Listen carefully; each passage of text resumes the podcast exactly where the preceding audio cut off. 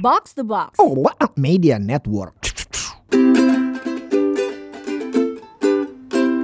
Mencoba minimalis. Mencoba minimalis mengurangi yang nggak perlu lebih dari sekadar beberes. Ada Puri nih di sini. Jadi episode ini sebenarnya adalah oleh-oleh cerita gue si anak Jakarta ya yang karena kerjaan ngabisin enam hari di Halmahera Selatan gue baru pulang dan uh, jujur ini adalah perjalanan ke timur Indonesia paling jauh gue seumur umur gue kan mulai dari kenapa gue pergi ke Halmahera Selatan gitu ya why-nya jadi di Halmahera Selatan ada satu pulau yang masih masuk gugusan uh, pulau atau wilayahnya Kabupaten Halmahera Selatan. Jadi ini Halsel tuh kabupaten, uh, provinsinya Maluku Utara gitu. Nah, si satu pulau ini yang unik adalah nama Pulau Widi. Pulau Widi ini sempat heboh di akhir 2022 karena kepantau uh, nama Pulau Widi ada di situs lelang Sotheby's dan masuk list lelang.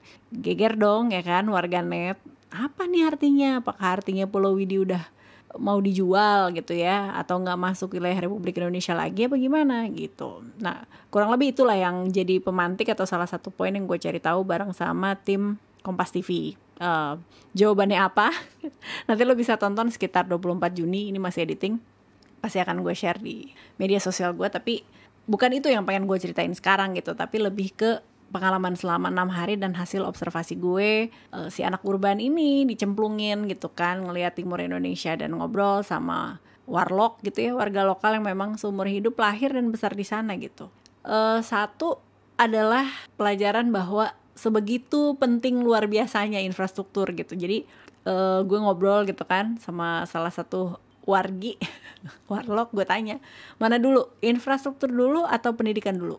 Gue udah siap dong dengan pernyataan pendidikan dulu masih jauh dan dada gitu kan ya. Tapi enggak ternyata rata-rata dari mereka akan jawab atau jawab infrastruktur gitu. Kenapa? Karena beberapa daerah di wilayah Halsel ini harus rela terima listrik nyala tuh cuman malam aja. Misalnya dari jam 6 sore maghrib lah ya sampai jam 12 malam. Habis itu mati listrik selain itu genset ini adalah barang mewah. Yang punya itu Pak Kades doang. Kebayang gak lo? Gitu kan. Lo harus ngatur hidup lo disesuaikan sama jadwal listrik nyala tuh gimana gitu kan. Terus masih gue kilik kan gitu. Yakin nih infrastruktur nih bukan bukan pendidikan dulu nih gitu. Terus dia bilang ya seenggaknya sekarang akses SD SD sampai SMA ada lah gitu kan. Dan kalau lo mau masuk SD sampai SMA negeri ya hitungannya gratis gitu adalah buku paket yang emang bawaan dari sekolah gitu jadi rata-rata air mah aman lah gitu tapi kalau ditanya lebih butuh, butuh listrik sama internet stabil sih. Nah, ini ada cerita menarik soal nggak ada listrik lagi nih ya. Jadi karena uh, kita kan liputan berpindah dari satu pulau ke pulau lain gitu kayak island hopping. Naik kapal nih kita ke pulau yang minim listrik. Abis maghrib dong, udah lebih ngeri ternyata daripada nyetir malam jalur Sumatera kalau kata gue karena nyetir malam nyetir mobil ya itu kan kita takut kabut sama takut bajing loncat. Nah ini naik kapal malam nakodanya tuh nggak punya sinyal nggak ada sinyal handphone aja gitu. E, pakai radio nelayan aja. Yang itu juga rata-rata aja nih responnya. Terus pulau yang dituju kebetulan nggak kelihatan nggak ada apa listrik pula gitu kan mau docking mau maksudnya mau merapat bingung gitu. Ini gue tahu tuh di pulau itu tuh ada dua jembatan. Nah, tapi salah satunya jembatannya ambruk. Jadi gue harus tebak nih jembatan yang mana. Nah, terus kalau merapat, ini nakodanya harus hati-hati karena takut kena karang. Ini speedboatnya kalau merapat pelan-pelan, eh terus kena karang ya kan bisa bocor ya. Nggak bisa balik dong kita. Atau tenggelam ya kapalnya. Jadi solusinya apa? Itu gila banget sih. Solusinya adalah di gelap buta kayak gitu, pakai kapal pemandu yang lebih kecil di depan kita sambil disenterin ke dasar laut. Lo kebayang gak sih? Kayak nyetir mobilnya udah susah eh, lo harus nyetir kapal yang nggak bisa mendadak ngerem. Terus harus lihat nih karangnya di mana gitu. Dengan modal disenterin doang gitu sama ABK-nya gue kayak gue malu sih. Gue malu kalau hidup gue isinya komplain. Udah gitu aja deh. Terus um, hal lain yang gue tangkap adalah mungkin lo sering kali ya denger cerita klasik gitu kalau satu pejabat daerah maju gitu ya terus dia udah uh, satu periode itu dia asik-asik bikin kerajaan sendiri atau kayak keluarganya juga sama-sama jadi pejabat publik. Atau misalnya dia dua, dua periode terus adalah nama dengan nama belakang yang sama jadi pejabat publik. Atau dianya jadi naik gubernur yang lainnya jadi bupati gitu misalnya. Itu tuh pemenangan biasa sekali memang di sini. Terus ya kacamata orang Jakarta itu ya kenapa nggak bisa kenapa sih nggak fair aja gitu ternyata jawabannya adalah seenggak setujunya kita sama sistem bikin kerajaan sendiri, empire gitu atau oligarki. Ini adalah sebenarnya permainan survival of the fittest ya. Jadi ibaratnya kalau lo jadi kades, rumah lo itu atau rumah dinas lo punya genset. Apakah lo nggak mau punya privilege itu? Ya kan? Itu adalah apa ya? Kebutuhan basic yang kalau lo punya, masa lo mau lepas? Ya kan? Lo udah jadi kades misalnya ya dua periode, lo punya tuh akses genset. Lo turun, keluarga lo nggak ada listrik lagi atau maksudnya nggak bisa pasang genset ya pasti lo akan lakukan segala macam cara untuk biar punya akses itu dong gitu. Jadi cara sejahtera apa lagi selain misalnya jadi pejabat publik? Dagang atau jadi pengusaha gitu. Iya sih bisa dagang tapi nggak semua orang tahu caranya.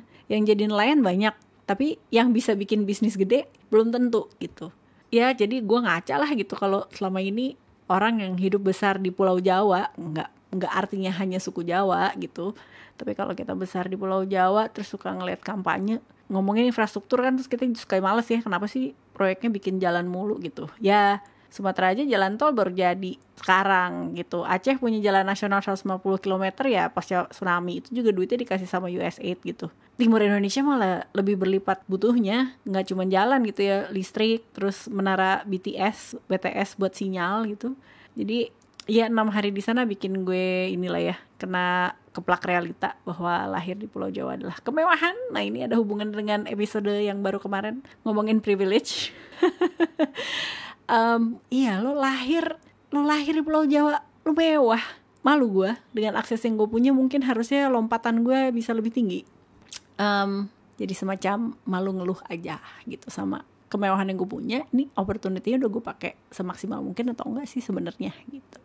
Hal lain kalau lo adalah orang yang pengen ya sekarang pandemi udah reda orang jadi pengen jalan-jalan gitu ya dengan ngelihat timur Indonesia jelas nih Halsel ya gue sih rekomend banget sih kalau lo pecinta laut lo pecinta sejarah lo cari tuh Kesultanan Bacan ada di situ masuk wilayahnya Halsel kopinya nggak ada salahnya sih lo explore ke Halmahera Selatan biar duitnya masuk ke sana lah gitu ya.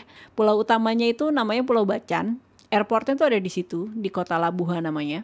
Dan yang kalau lo pecinta kopi selama ini mungkin lo familiar dengan kopi jenisnya apa? Arabica robusta gitu. Tapi ada satu lagi namanya liberica. Yo kayak nama kafe tapi itu sebenarnya jenis kopi.